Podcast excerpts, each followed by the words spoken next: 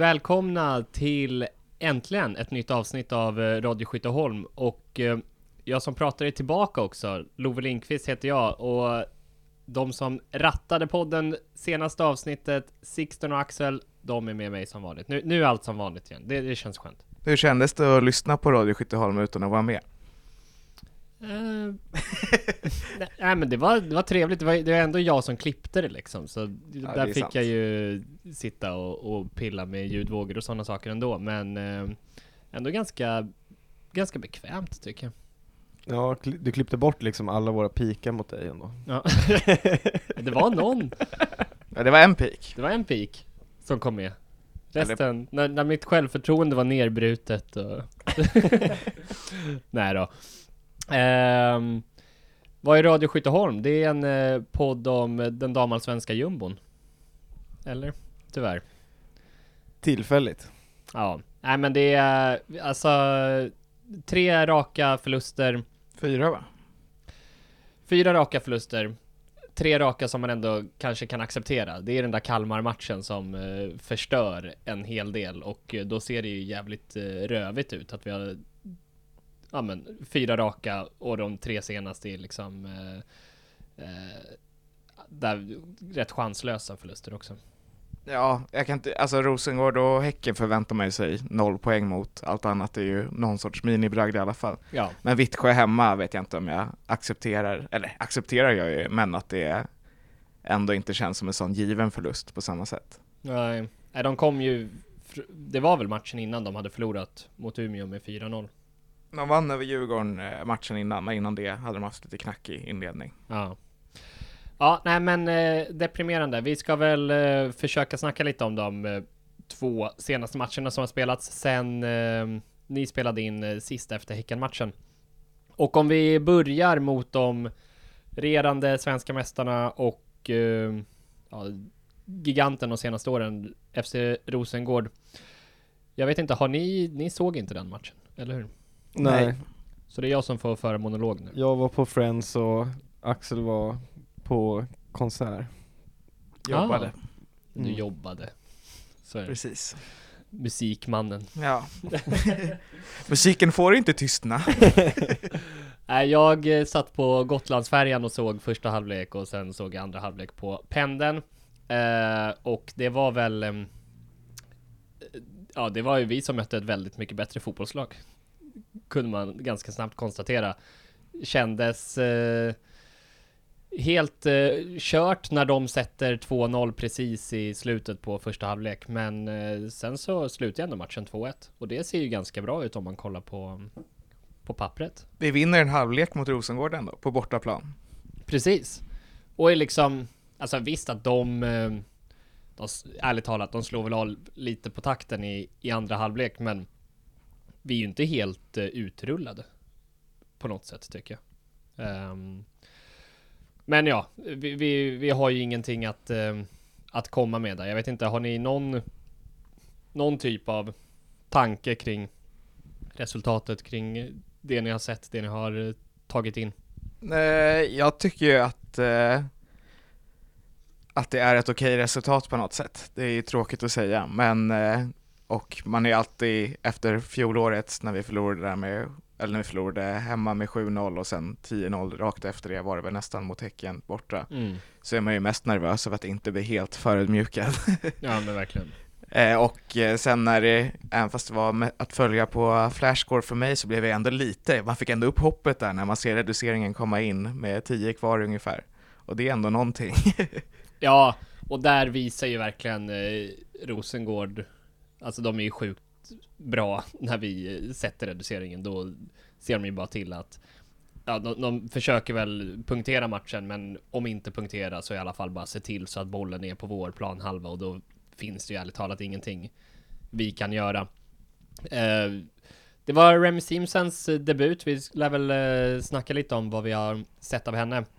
Jag tror att hennes första bollkontakt, ja men hon gör någon skön liksom två, tre fotare och tar sig förbi någon och man känner äntligen någonting bra. Och sen så är det också hon som slår en ganska nice assist till eh, Kajsa Collin på vårt eh, 2-1 mål. Otroligt skönt att faktiskt göra mål borta mot Rosengård och att det är den här anfallsstjärnvärvningen som gör det. Det, det gillade jag.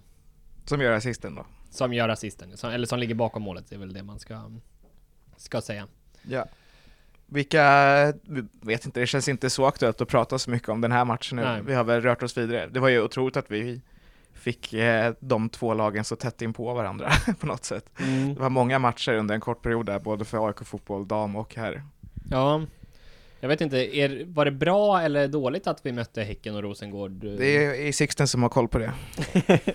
Ja, det är ju min teori då, att eh, det är bra att möta bra lag efter varandra så att man är inne i tempot. Men ja. eh, ja, men det kanske vi var då. Alltså, ja, det är ändå helt okej att torska med uddamålet borta mot Rosengård. Det är klart det är, så här, det ger noll poäng, men det är ändå, det får ändå ses som eh, godkänt resultatmatchmässigt. Jag har ju bara sett highlights från matchen så jag kan inte uttala mig om hur spelet såg ut. Alltså jag misstänker ändå att Rosengård, alltså de ska ju spela Champions League. Jag tror ändå att de har förhoppningar att ta sig till, alltså de var i kvartsfinal för inte så, var för två eller tre år sedan. Jag tror ändå de har ambitioner att eh, utmana en bit in i Champions League i alla fall. Jag gissar att de inte är nöjda med att vinna med 2-1. Att de liksom vill ska, om ni kanske vet att eh, Barca, de eh, har sett upp mål i sina matcher. Att okej, vi ska göra mål första fem minuterna och sen så ska vi göra mål var tionde minut efter det. Så att de hela tiden har motstånd även fast de leder matchen med 7-0 liksom. Det skulle inte förvåna mig om Rosengård ändå försöker ha någonting liknande för att eh, bli Champions League redo på något Ja, sätt. jag hörde någon intervju med någon Rosengårdsspelare, jag kommer inte ihåg vem, i eh, 5 plus och då eh, var det efter de hade vunnit med 5-2 mot Djurgården, borta tror jag det var till och med. Eh, och då var de ändå ganska missnöjda med att de släpper in två mål, mål trots att de gör fem liksom. Så det är Mm. lite den känslan man får av hur de ser på sig själva i förhållande till många andra damallsvenska lag också. Ja. Ja, de misslyckades eh, grovt i Champions League-kvalet förra året. De har ju något sorts att Just bevisa det. liksom. De åkte ut mot uh, Hannover typ. Nej, eh, Hoffenheim. Ja, de åkte ut mot något och det var väldigt mycket målvaktstabbar har jag för mig. Ja. Och att de kanske typ köpte en ny målvakt efter det. Hade inte de eh, Kanadas landslagsmålvakt förra året? Som... Ja, eller att det var att de tog in henne efter det. Okej. Ja. Eh, så här provocerande att se Caroline Seger som bara så här rycker lite på axlarna när de gör 1-0. Landsförrädaren. Ja, precis. Eh, Nej men eh, Det är väl det. Vi, jag fick ju äran att eh, dela ut bärsen i den här matchen. Och eh, svårt när Rosengård har ju i princip all boll. Man kan tänka er liksom, ska det gå till en defensiv spelare eftersom vi ändå bara släpper in. I highlights-paketet var det en väldigt snygg brytning av henne i alla fall. Den är jävligt nice. Eh, I straffområdet som eh, verkligen var en sån här eh, som man kanske instinktivt vill som eh, om man håller på laget som råkar ut för den så vill man ropa straff fast man fattar att så här, nej det där är bara en klockren eh, brytning. Så den var nice men annars så backlinjen Alltså vi försvarade ju typ med hela laget så jag vet inte om det var så mycket bara backarnas förtjänst att vi inte släpper in så mycket mål. Jag ger eh, 2,2 till eh, Honoka Hayashi som ändå visar att eh, hon är nog den AIK-spelaren som eh, Ja i och för sig Jenny Danielsson kanske också men annars den AIK-spelaren som skulle kunna spela i Rosengård. Eh, och 2,8 går till Remy Simsen som eh, visar ändå vad hon går för, sliter otroligt mycket, så otroligt otacksam eh, debut att möta det absolut bästa laget och liksom inte få någonting att jobba med. Men det är ändå hon som gör assisten till vårt mål. Eh, och eh, ändå den som imponerar mest på mig var Agnes Nyberg som krigade som fan på mittfältet. Så hon får 3-5 eh, Imponerar stort på mig och ja, jag tror hon imponerade på Rosengårdarna. Säg Också. inte det. De får inte ta dem. Nej, men hon hade ju också gjort debut i det här eh, oklara U23-landslaget precis, eller hon var i alla fall med på samlingen. Mm. Eh, tagit selfies med Neymar och, um, Hängt va- runt i Paris. och hängt i Paris. Hon är ju en, eh, vi återkommer ju relativt ofta till spelarnas Instagram-konton ändå. Och hon verkar vara en av de mest socialt aktiva med andra spelare i laget. Jag har sett att Ja. hon redan verkar kommit nära teamsen och så också. Ja, nej men hon är alltså man, man förstår varför hon har varit lagkapten redan en del i sin... Ja, och det känns ju som att hon redan har fått, det är ofta hon som pratar i AIK plus-klippen då, som de heter nu. Hon ska vara med i Studio AIK imorgon och så. Det känns som att hon, eh, hon fått en framträdande roll. Eh, tyvärr skadad, verkar det ju som. Ja, och det är otroligt eh, tufft. Vi kommer väl in lite på um, skadeläget senare. Men eh, det var eh, bärsbetygen. Bygg en bar på Skyttan. Och så, så rör vi oss vidare till den senaste hemmamatchen. Som eh, jag inte har sett, så här får jag fråga ut mer, er mer istället. Eh, 3-0 hemma mot eh, Vittsjö, ett lag som vi slog på hemmaplan förra året, men som ändå är ett lag som, eh, alltså det är ju Det är ett topplag, det är ju Damallsvenskans Elfsborg typ Alltså I toppen men kommer inte vinna eh, bara så här Hur eh, känslomässigt, vad, vad känner ni efter en sån förlust?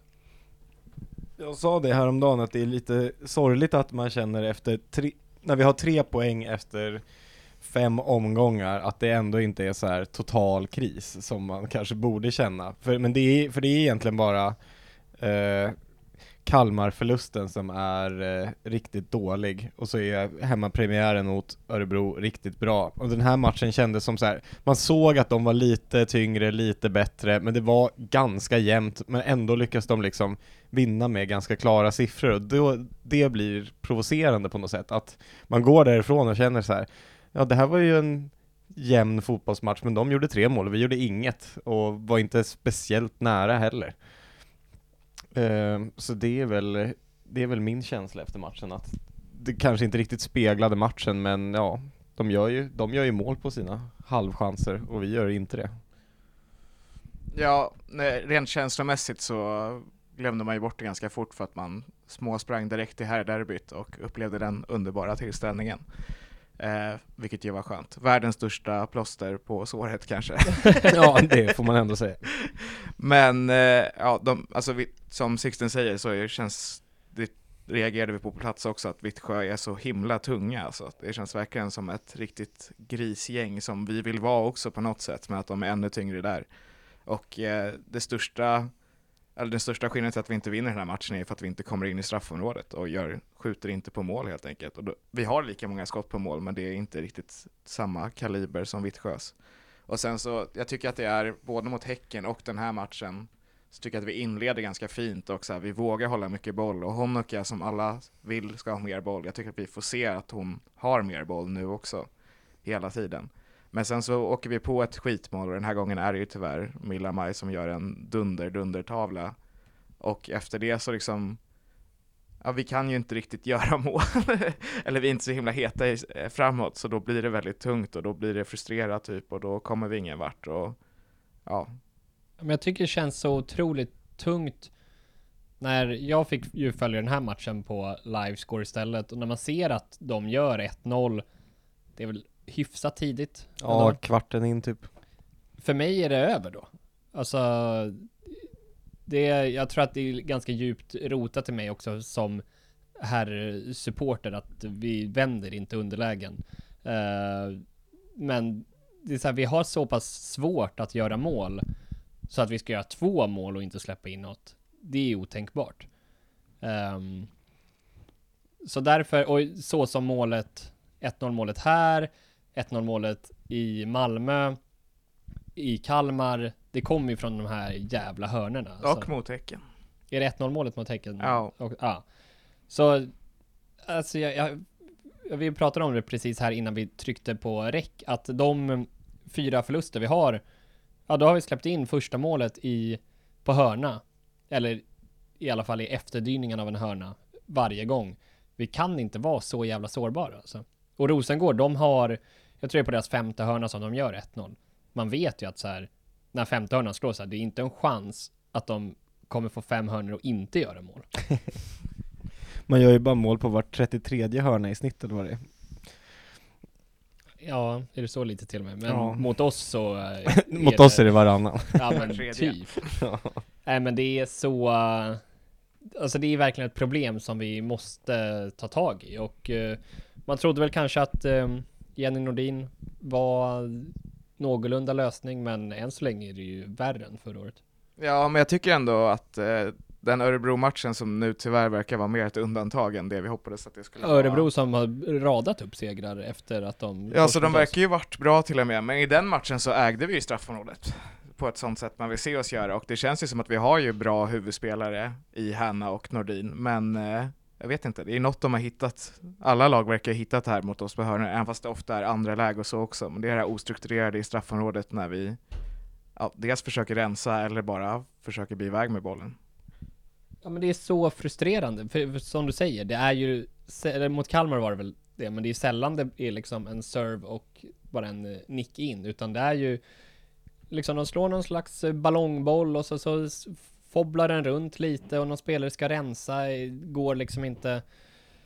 Det ehm, är folk som är avlönade för det här måste hitta en lösning på problemet. För släpper vi in ett hörnmål i första halvlek i varje match så kommer det inte bli många segrar. Ja, och sen så, det är ju att Jenny Danielsson saknas i den här matchen eh, och det Och Agnes också. och Agnes också, men Agnes tycker jag Asher, Asher tar ju hennes roll på in i mitten och jag tycker också att det syns ändå att det är där hon ska vara på något sätt. Hon gör ändå ganska bra på något sätt. Hon är inte Nyberg, men hon eh, passar ändå bättre in där än på kanten tycker jag. Men Jenny Danielsson känner jag saknas nästan mer än vad Nyberg gör. För eh, vi liksom, vi har bollen och vi håller den ganska fint och eh, men vi, när vi väl ska komma till de här matchavgörande aktionerna då är det typ ingen annan än Jenny Danielsson som klarar av att göra det i dagens AIK. Det är ingen som lyckas dra två och så vinna en yta. Murray är jättebra på att driva boll, men hon är också väldigt duktig på att tappa den tyvärr. Och det är liksom... Och speciellt när Remy, som vi såg första gången här, hon ser ut att ha det i sig också. Och man, hon och Jenny Danielsson tror jag verkligen skulle kunna bli det här som vi verkligen har saknat. Men ja, det får vi inte se i den här matchen tyvärr. Ja, precis. Vi måste ju lyckas parkera på motståndarnas planhalva mer. För när vi är så tillbakapressade hela tiden så det, det räcker ju inte med ett anfall var tionde minut och att allting då måste klaffa perfekt liksom. För ja men det såg man väl mot eh, Rosengård att när vi väl får våra liksom, ja men nu kan det hända någonting. Då liksom, ja men individuella misstag och så sker och kanske framförallt eh, ja men i ett bottenlag så man kan inte räkna med att varje pass, varje löpning kommer sitta, men får man bara liksom tio chanser och om då alla de tio har misstag i sig, då blir det ju ingenting av det. Nej. Nej men jag tycker, jag tycker man såg ändå på Remy att det är klass alltså. Ja, de, de gångerna hon får bollen. Eh, och då har ju ändå vi helt okej okay med boll, även om vi inte tar oss så långt fram med den. Men man ser ju att eh, det här kommer kunna bli kanon alltså. Ja. ja, och jag tror ändå att så här, jag tycker att vårt uppspel är ganska bra just nu. Jag tycker att vi är ganska bra, när Honok har typ kommit ner längre känns det som och också får mer boll där och så här, spelar vidare och kommer fram. Jag tycker att det börjar se bättre ut. Det är den här sista, klassiska sista tredjedelen va, som inte riktigt sitter än. Mm. Men jag tror att det kan göra det med Varken Remy. hemåt eller framåt. Det är mitten tredjedelen, där är vi grymma som fan. Det är så jävla bra. det är synd att fotbollsmatcher inte avgörs där. Nej, Även fast det... man brukar säga att det avgörs på mittfältet i och för ja. sig. Men, eh... Men jag tycker att vi borde stacka upp mycket mer centralt, speciellt när vi möter eh, topplag liksom. Att eh, vi måste ja, men ha numerärt överläge på mittfältet. Jag, alltså nu Sara Nordin är tillbaka i spel. Jag tycker nog att hon, speciellt om Agnes Nyberg är borta, då måste hon, eh, om hon är helt fit for fight. Ja, var det en sen skada på Nyberg på uppvärmningen eller? För hon kommunicerades ju ut i startelvan först, men sen var det Asher istället. Ja, hon blev skadad på träning dagen före match. Är det vi har hört. Eh, och sen så antar jag att man testade henne på uppvärmning och det gick inte. För hon var ju inte ens på bänken efter Nej, precis. Ja. Men, Men här... i och med att hon ska vara med i Studio AIK imorgon kanske, eller AIK Live heter det väl nu. Men eh, då kanske det är positiva besked.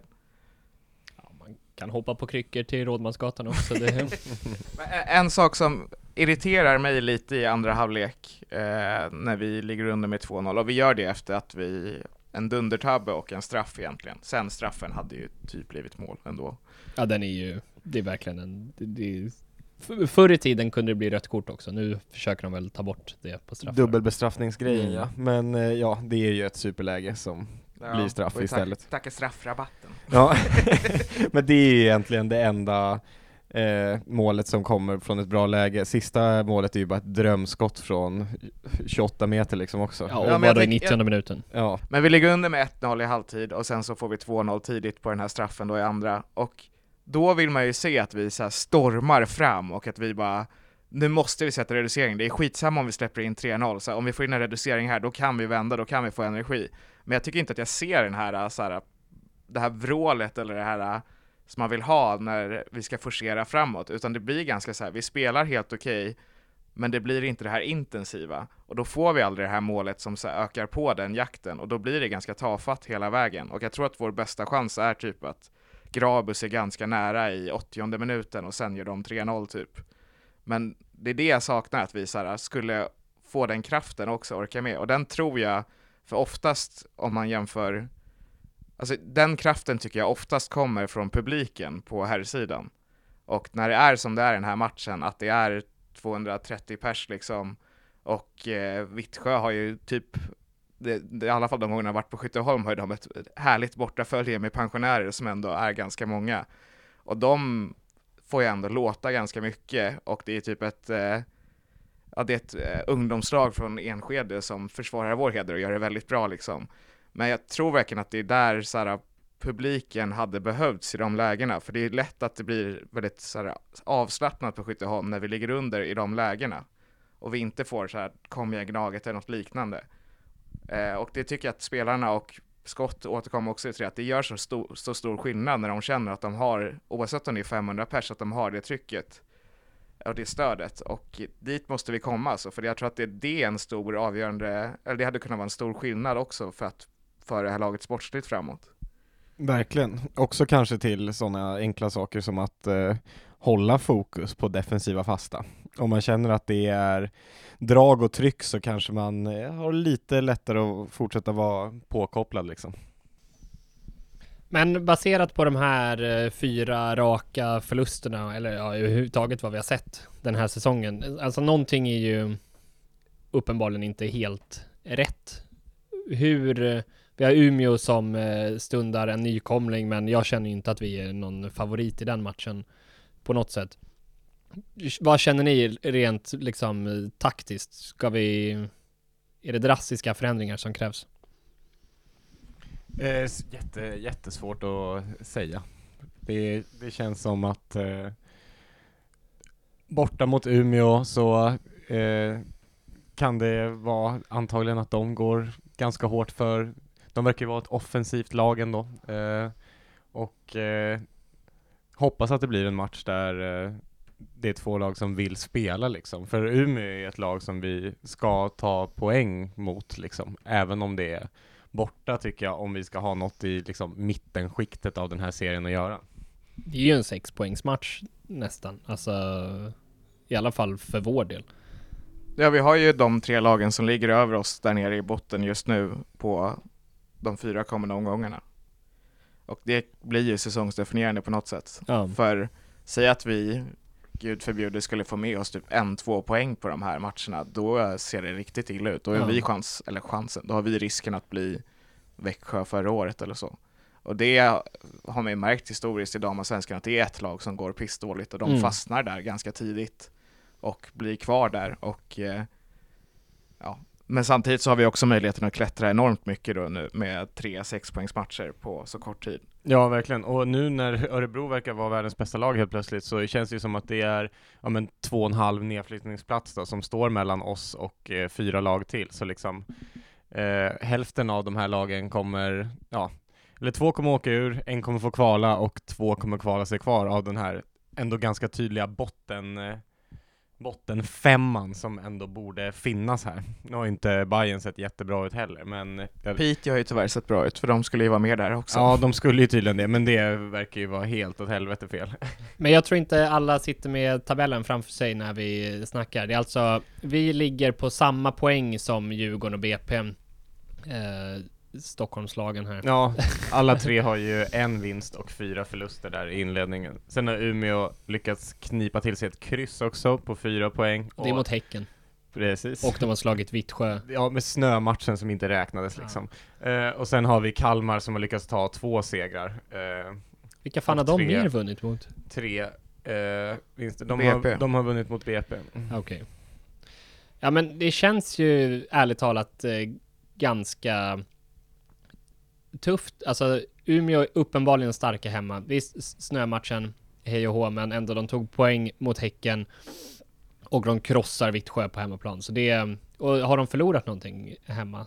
Kan du se det? De har bara spelat Nej, de två Det matcherna. är de två Precis. hemmamatcherna de har Så de är spelat. obesegrade på hemmaplan. Men de har två raka förluster nu.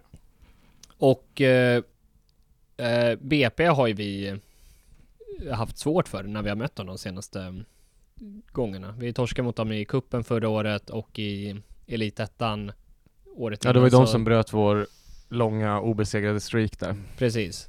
Så, då, där torskade vi också, så ja, det kanske inte behöver säga någonting, men ändå. Eh, Djurgården är jag inte jätteorolig för, men vi kommer ju såklart komma in mer på derbyt när det, eh, när det närmar sig. Men eh, jag tyckte ändå ni eh, duckade min fråga, Är det liksom någonting eh, i nästa match som ni vill se som vi inte har sett eh, Men Jag är hittills? för dålig på fotbollstaktik liksom, för att kunna säga det. Jag hoppas Over, att, around jag, through. jag hoppas att vi vinner och att det ser bra ut.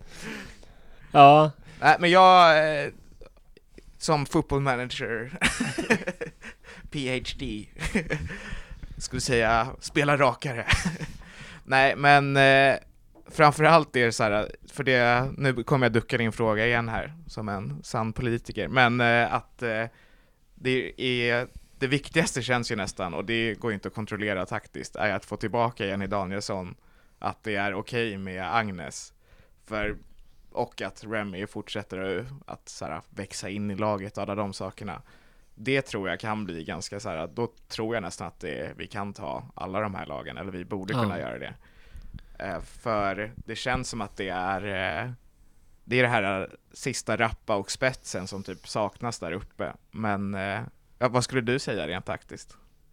Ja men jag är väl lite inne på att så här om eh, när det går dåligt. Det finns väl två vägar att gå. Antingen så grisar man mer eller så lirar man mer på något sätt. Och eh, speciellt med skadeläget så vet inte fan om vi har liret i oss på något sätt. Nej, Så då kanske jag känner mer att, eh, att griset ligger närmare till hands. Och då tycker jag till exempel inte, surprise, att Murray ska starta. nej, jag är nog också villig att bänka henne efter senaste Ja. matcherna. Eh, som jag var inne lite på förut, om Sara Nordin är eh, frisk och kry så tror jag absolut att eh, hon skulle kunna bidra mycket med tyngd. Alltså hon blir liksom som en, eh, ja, men en lite mer framåtlutad mittback när hon spelar. Hon liksom har väl varit mest på defensiva mittfältet men har ju varit bra som mittback också. Så jag tycker absolut att hon ska in där. Att spela ett eh, tremanna mittfält med Sara Nordin, Agnes Nyberg och eh, Honoka Hayashi. Förutsatt att Agnes är frisk också då. Mm. Men det är ju, Majo säger i intervjun efter Vittsjö-matchen att hon tycker att vi blir naiva. Eh, och det pekar ju åt något, att vi kommer gå tillbaka mer till gris liksom. Mm. Men jag tycker att det måste finnas någon sorts mellanväg mellan gris och lir. Ja. Eh, smoking lir med skruvdobb har jag valt att kalla det. Du kom på den? eh, Ja, jag kom på det nu liksom. Okej. Snyggt. Alltså Ja. klatschigt liksom. Nej Ja. men efter de här två matcherna mot Umeå och Djurgården kommer man ändå kunna säga så här hur, hur, vart den här säsongen är på väg, hur det känns tror jag. Nu, det känns Mm. fortfarande lite så här. Är vi bra? Är vi dåliga? Är vi mitt emellan? Det är omöjligt att säga eh, än så länge. Men så här, två, tre poängare i rad nu som med liksom bra spel, då känns det ju helt plötsligt bra igen. Ja men verkligen. Vi, vi har haft ett eh, tufft spelschema. Vi har konstaterat det. Kalmar-matchen, den är en plump, men det, ja, vad fan, det händer väl liksom. Ja, Vittsjö deras 03. hemmapremiär, riktigt gräs och Ja. hela den biten. Ja, Vittsjö 03 är en plump också skulle jag ändå Ja, vara beredd att säga. 01 eller 1-2 hade jag. Men, ja. men så här, spelmässigt så ser det ändå, jag tycker att spelmässigt i de här matcherna som vi ändå förlorar, förutom Kalmar möjligtvis, fast där hade vi ändå ganska många lägen, speciellt i andra, så tycker jag att vi ändå har tagit framsteg. Men sen så det är ju en liten tröst om vi hamnar i den här negativa perioden och hamnar i det här skadehelvetet igen framförallt. Mm. Men det är, ja, det är de här, förutom Eskilstuna borta där som, ja, nu slog ju visserligen Djurgården Eskilstuna, men de här andra tre matcherna som kommer upp nu på de kommande fyra, de blir ju, ja, som ni säger, att de avgör ju lite vart vi står. Ja. Är det läge för en eh, Grabus-start då? Eh, kanske. Om inte Jenny är tillbaka så visst. Ja.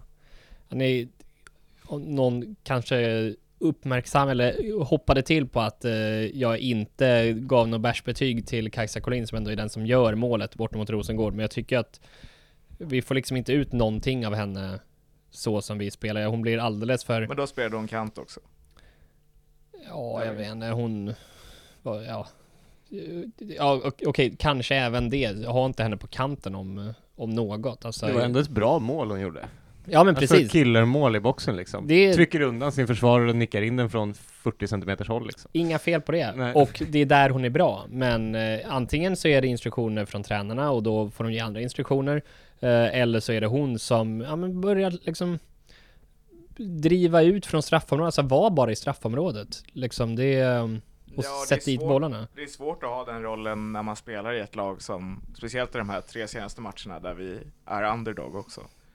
Det är, en killer är ju inte som bäst i ett bottenlag liksom. Man får ju väldigt få chanser. Ja. Eh, ska vi dela ut lite bärs från eh, Vittsjö eller också? Ja, de här tragiska bärsen. Ja. Ja. Visst, vill du ta 2-2? Eh, det kan jag göra. 2-2 går väl, eh, sa vi väl gick till eh, Remy va? Ja. En Fosters till Remy. Ja, Gör de Fosters 2-2 Det tror jag. hoppas. Världens äckligaste öl. Hoppas Remy har inte lärt sig svenska än så blir inte provocerad. Men Hon är ja, elitidrottare, hon har aldrig druckit öl. nej, eller aus- hon är också australiensare så hon har definitivt druckit öl. ja, har du någon motivering? Eh, ja, jag hade kunnat sätta henne på 2-8 till och med också, men eh, vi landade väl i 2-2 för att hon får ju inte ut något egentligen, men hon ser bra ut liksom.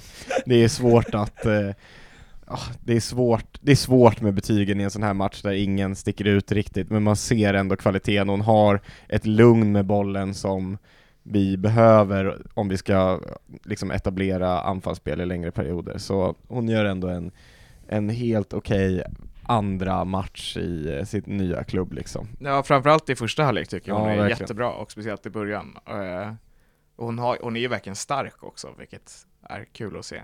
Och Men- teknisk. Alltså för dåliga lag tror jag att det ändå är viktigt att man ser lite med Honoka också att så här, och Jenny, att så här, okej men det är inte bara dåligt. På något, hade man torskat, om man hade torskat fyra raka matcher och det liksom bara är för att vi tjongar och liksom bara är katastrof, då hade det nog känts väldigt deppigt. Men eh, man behöver de här små ljusglimtarna. Ja, och där har vi ändå, man, jag tycker Ash har några fina aktioner i den här matchen också. Vi har ju ändå ganska fina lirare som är kul att se, även när det skiter sig liksom. Man får alltid något litet glädje. Ja, ändå. hennes show i, mot Häcken i första halvlek var ju otrolig stundtals liksom. Då Ja. kan man ju glädjas åt det. Ja, men eh, jag vet inte, det känns som att eh, Asher har inte fått rätt roll alltså. Nej, hon såg bättre ut i den här, eller jag tycker hon, hon ska nog vara centralt men kanske lite längre fram, för hon tappar mer boll än vad Nyberg gör.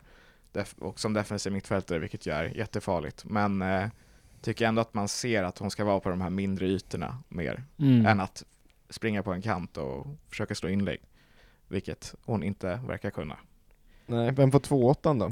Det, den ger jag till Nildén, eller gav vi till Nildén. Fint. Eh, hon, eh, mest för att hon slet så himla mycket, eller? Som hon ja, gör. det är, det är en otrolig situation där som också är en lite så här glädje och som är sån eh, situation som skulle kunna elda igång publiken. Den gör ju det i viss mån eh, den här gången också, men eh, hon eh, tycker att hon ska ha frispark eh, när hon kommer fram på vänsterkanten, men bollen rinner ut till ett Vittsjö-inkast, då blir hon skitsur, backar ifrån några meter och sen bara går upp och toksänker den Vittsjö-spelaren som tar emot inkastet sen och får ett kort som, ja, det var väl så här det skulle hon kanske ha för den tacklingen i ryggen, men det var ändå så här, man såg att hon brann för det och det tände till lite, så den, alltså Vissa Där- gula kort ska man ha. Ja men den var, det var ett så här, tända lag, ett gult Ja. kort på något sätt och då, Ja. jag gillar det liksom. Och jag tycker också att hon har det i spelet under andra halvlek, framförallt tycker jag att hon kanske är den som visar mest vilja och så här,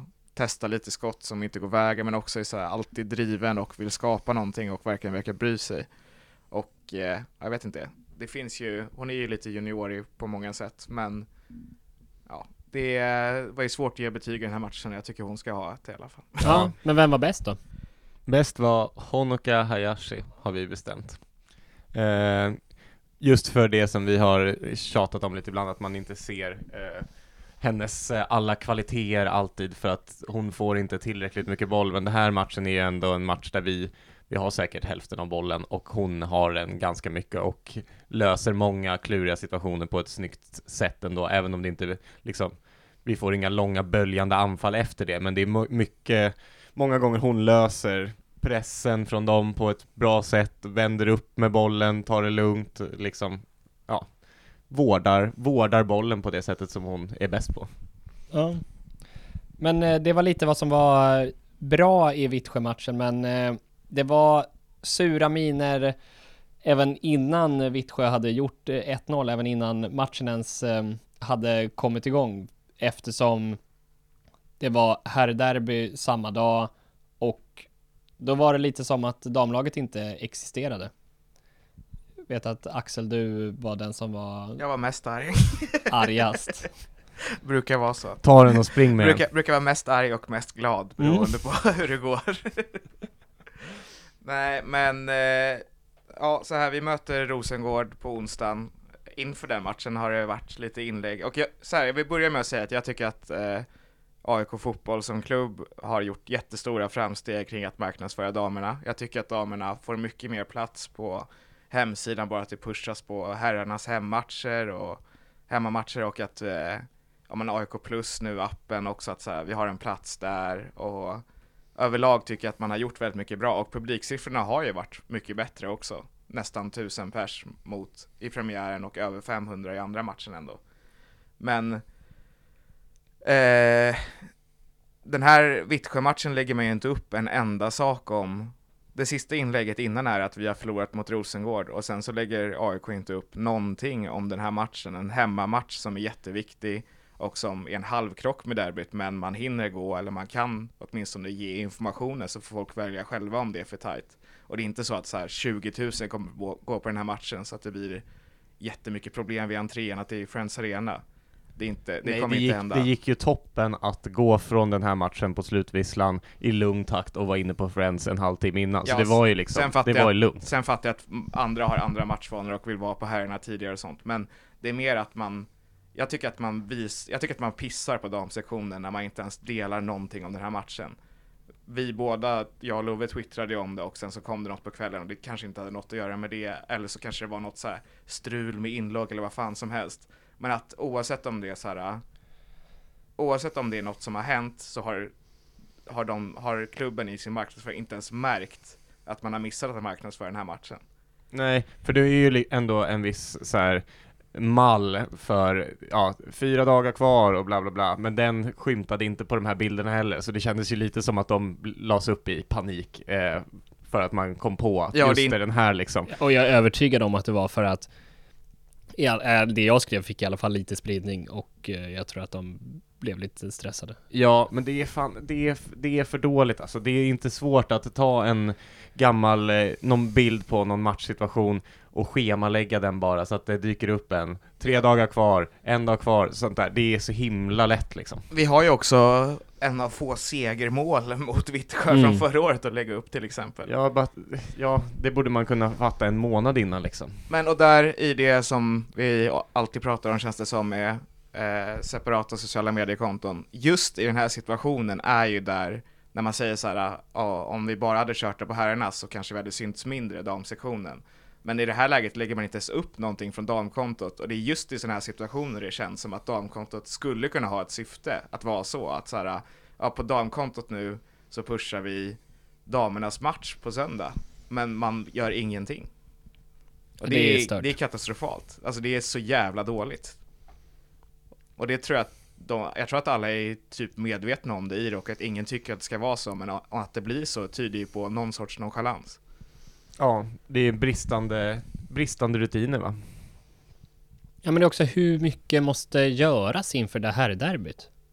Alltså det är inte som att eh, det är kommunikationsavdelningen som eh, lägger ut tifot liksom. Alltså jag, jag fattar inte riktigt. Ja, men jag kan tänka mig att det är mycket Och det var ju allting. lanseringen av AIK Plus också som säkert tog massa kraft. Men eh, det, det ursäktar inte någonting. Nej. Men det är en förklaring men ingen, ingen, eh, inget försvar eller vad man ska säga. Ja, och sen efter det här haveriet då, så kom jag dit, för en gång skulle jag faktiskt där typ en kvart innan.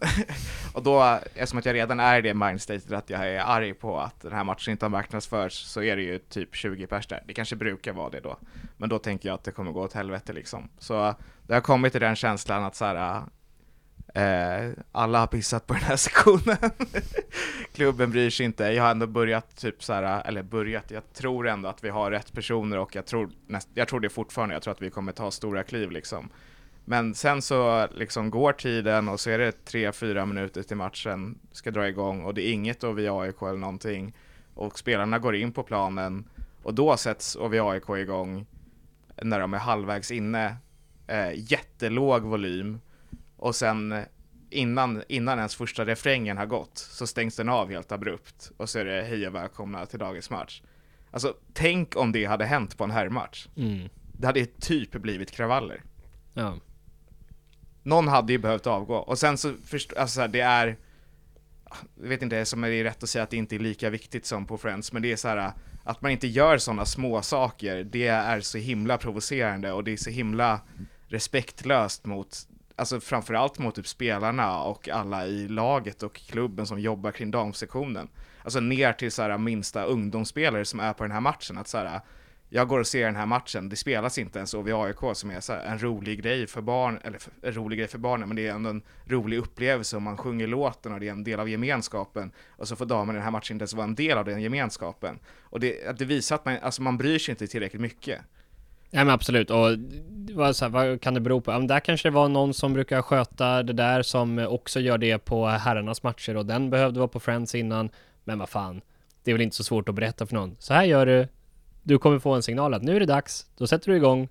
Och sen så när det blir oj, då kommer spelarna ut på planen och sen så kör vi som vanligt liksom. Ja, det har ju funkat i alla andra matcher länge. Vi Ja. klagade ju lite någon gång på att det det inte var tajmat, att eh, de gick in till eh, klimaxet liksom. Men eh, det har de ju löst nu också, så det, det borde ju...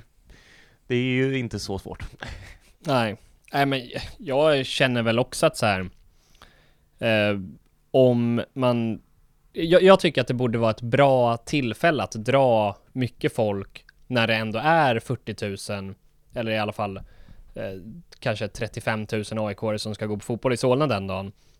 Så borde det vara ett ganska bra tillfälle att få, vad fan, 500 i alla fall att gå på damernas match innan. Det borde vara en möjlighet. Nu kändes det snarare som att det var ett besvär.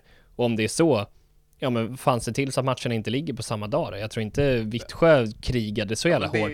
det verkar ju vara ett grundproblem mellan, eh, vad heter de, SDF, EFD, EFD och eh, SEF. Ja, Eller? att Ja. eh, man inte koordinerar här överhuvudtaget. Och nu har det varit tre matcher, eller det kommer vara tre matcher i rad efter söndag som har krockat mellan herr och dam. Och det är ju bara för dåligt om, man, om det finns någon sorts ambition att lyfta upp båda sektionerna eller vad man ska säga. Ja men det är konstigt för jag kan verkligen tänka mig eh, att det skulle kunna vara att eh, EFD i så fall så här, nej men vadå, varför ska vi eh, vika oss för, för herrlagen? Men det här är ju tvärtom, att så här, men ja, nu är det så att herrlagen drar mycket mer intresse, men vill man att det ska spela över lite, då kan man ju inte se till så att det krockar. Nej. Nej, det är för dåligt. Ja, Och sen, jag, jag vill, alltså såhär, jag, sen intervjun med Söderberg så har jag ändå fått en liten så här förståelse för att, eller det han sa som är en så här väldigt simpel grej ändå så här, herrarna driver ekonomin.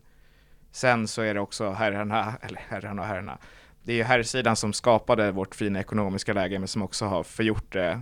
Eh, nu är vi ju en fattigare klubb än de flesta andra större klubbarna i Sverige. Ja. Tragiskt nog. Och det är herrarnas uppgift att, eller herrarnas, de är de som kan bygga upp det igen också. Och så här, det, jag förstår att det är på något sätt i en prioritering så är det eller, viktigt och viktigt men det är så här att det är där man måste driva publik och sen så driva vidare till dem eller driva annan publik till dem. Men om det är så här med kontona då till exempel, att det finns, och jag kan köpa det argumentet att så här, det finns ett eget konto för AIK Dam, det är viktigt nu när vi är i en expanderingsfas. Men varför är det då att vi lägger aldrig upp någonting, alltså efter her herrarnas söndagsderby till exempel, då är det så här, då ska vi pusha Göteborgsmatchen och MFF-matchen på herrarna på AIK, vilket jag köper. Men varför kan man inte samtidigt då pusha damernas derby direkt på damkontot? Det borde ju vara hela syftet med att ha ett sånt eget konto. Det är där man borde kunna hitta det. Ja. Ja, jag tror ju att eh, det eh, liksom, vi, klubben har inte riktigt eh, vuxit in i den. Nej, Att det kanske kommer och de har den ambitionen. Men idag så, alltså det, är- det är svårt att säga. Jag tror inte att någon aktivt skiter i det här. Men det har bara liksom inte blivit naturligt. nej. Nej, jag tror verkligen att personerna som jobbar med det är, för det har, har vi ju upplevt på första hand att så här, de bryr sig om det och de vill verkligen få upp det. Men, ja, jag vet inte. Nej, det var det. Ja, det är bra rantat. För dåligt. Ni får chansen att göra om, men eh, händer det en gång till, då jävlar. Ja, men jag känner ändå redan nu liksom inför damderbyt som ändå har fått lite push nu, dels från klubben och dels att vi har delat också och spammat alla att dela också och ja, tack alla som har gjort det också. Att, jag tror att vi kommer få en jävligt bra publiksiffra i det här derbyt och jag hoppas nästan att vi kan sälja ut Skytteholm och att det blir en sån grej att det här blir slutsålt för att det skapar ett tryck av så här, ja shit man kanske borde gå på damerna. Och det är inte så svårt att åtminstone sälja slut huvudläktaren, vilket jag tror vi kommer Ja. göra. Nej men det är faktiskt en sån grej jag tycker man ska komma ihåg. Man eh, tänker på Bayern deras eh, herrlags otroliga publiksiffror. Så här, vad, vad kom det ifrån? Ja men det var flytten till Tele2. Men den första, alltså deras första sommar, de flyttade till Tele2 mitt under säsongen. De lär väl ha slutsålt på premiären. Men sen tror inte jag att de hade så här överdrivet bra publiksiffror efter det. Förrän de superkampanjade för någon match. Det var typ Ljungskile hemma eller något sånt där. Och då var det världens grej att så här, kolla Bayern i superettan har 28 000 på en match, wow. Och effekten av det blev att det var så många av de här som kom tillbaka till matchen efter fast de inte hade gjort någon kampanj efter det. Och där någonstans satte sig en kultur att vi går och kollar kollar Bayern på Tele2 men det var ändå liksom liten så här jippoaktig grej som fick igång det. Jag alltså, ser absolut att det skulle kunna ske på Skytteholm också, att man hypar upp en match som fan och kommer det ja men 2000 dit i alla fall så ökar ju det chanserna rejält att det åtminstone ska vara 500 på matchen efter utan att man gör någonting specifikt kring kommunikationen.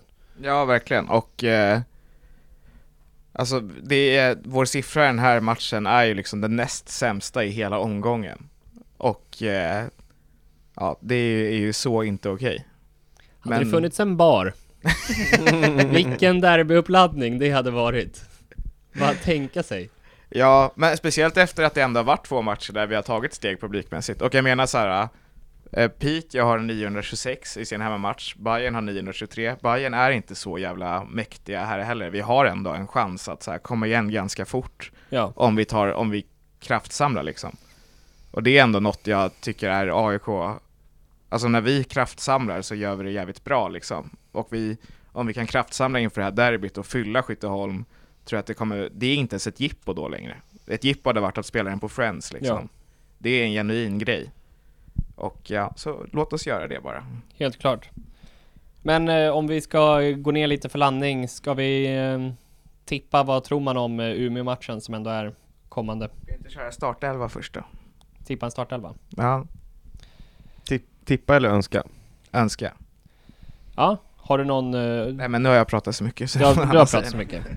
Och Sixten han behöver tänka efter så länge om... Kolla vilka han har i fantasyn va? Ja. Min önskade Det vill jag ha, jag vill ha damallsvenskan fantasy. Det vill jag ha. Vi löser det. Mm. Min önskade startelva är, trots en dålig eh, säsong hittills, måste jag säga, men eh, Milla i mål såklart. Ja, vem annars? Eh, och eh, jag vill ju ha Findell tillbaka, men där verkar ju någonting ha hänt, så hon kommer Hon inte ska spela. vara tillbaka från skada till den här veckan är det sagt. Det hittar på skada känns det som. Men, ja. Eh, och jag ser gärna henne spela högerback med eh, Davison och Nordin som mittbackar. Linda Hallin, jag tycker hon eh, har varit jävligt bra som vänsterback i år faktiskt. Hon är ju sjukt given, en position vi var lite oroliga för. Jag har ju min, det är 4-3-3 jag ändå hoppas på. Och eh, nu i mitt huvud så är Agnes eh, spelduglig till den här matchen. Och då är det Agnes Nyberg, Sara Nordin och Hono Kayashi centralt på mittfältet. Och sen så i, jag tänker ändå att eh, Jenny Danielsson fortfarande är borta, men då vill jag ha Nildén, Simsen och Adelisa Grabus på topp. Ja. Jag tar exakt samma elva. Ja, nej, nej, nej, jag byter ut Nordin eh, mot Asher dock. Okej. Det gör jag också. Jag byter också ut Findell mot Julia Olsson. Ja just det, Julia Olsson har ju faktiskt varit bra. Det Hon borde var vi ju prata bra om. mot Vittsjö faktiskt. Hon har ju tagit en plats. Ja, det är i och för sig sant. Det är, jag, jag har inte sett henne live än. Det är kanske därför jag glömde bort henne. Men eh, ja, jag är nog ändå inne på Findell alltså. Ja. Det är... viktiga att ha i de här defensiva fasta som jag pratat om. Hon har mycket bättre uppspelsfot och vad fan sa Majo sa i? Högerbacken har mest boll. Ja. Så då får gärna Findell ha, ha mest boll. Det tackar jag Sätt inte till. honom på högerbacken bara. Men jag Vi har ett är, litet kluster med hon och Jenny Sätt alla på högerbacken, då kommer vi ha nästan allt bollinnehav. Men som ni, ni också var inne på i förra avsnittet, Julia Olsson har absolut varit väldigt bra. Men eh, ni, ni köper ändå Grabus på topp alltså? Ja, jag gör det. Jag är ganska trött på uh, Collins uh, alibi-insatser. Ja, det är bra att skicka lite signaler också. Ja, hon Ja. gick ju också av eh, skadad i förra matchen. så- Härligt. Ja, det verkar, det verkar ju vara fine dock, men eh, ja, det är läge. Ja, och eh, tyvärr så... eh, så- alltså, jag, jag, jag kan inte riktigt tippa med hjärtat. Jag tror... eh, jag tror faktiskt vi förlorar. Jag tror vi vinner med 2-1. Oj, två mål. Stort. Nej, jag tror... ja, Jag tror vi kommer vara riktigt besvikna efter den här matchen. En 2-0 förlust, minst. Santa märker ju två kassar. Minst. Jag tror att eh, vi vinner med 1-0. Härligt. Håller nollan. Jag tar det på förhand också. Ska vi säga så? Ja, då hörs vi nästa vecka. Tack för att ni har lyssnat. Tack. Nej, följ oss på... Nej, skit i det. Följ oss på sociala medier, att Radio Skytteholm.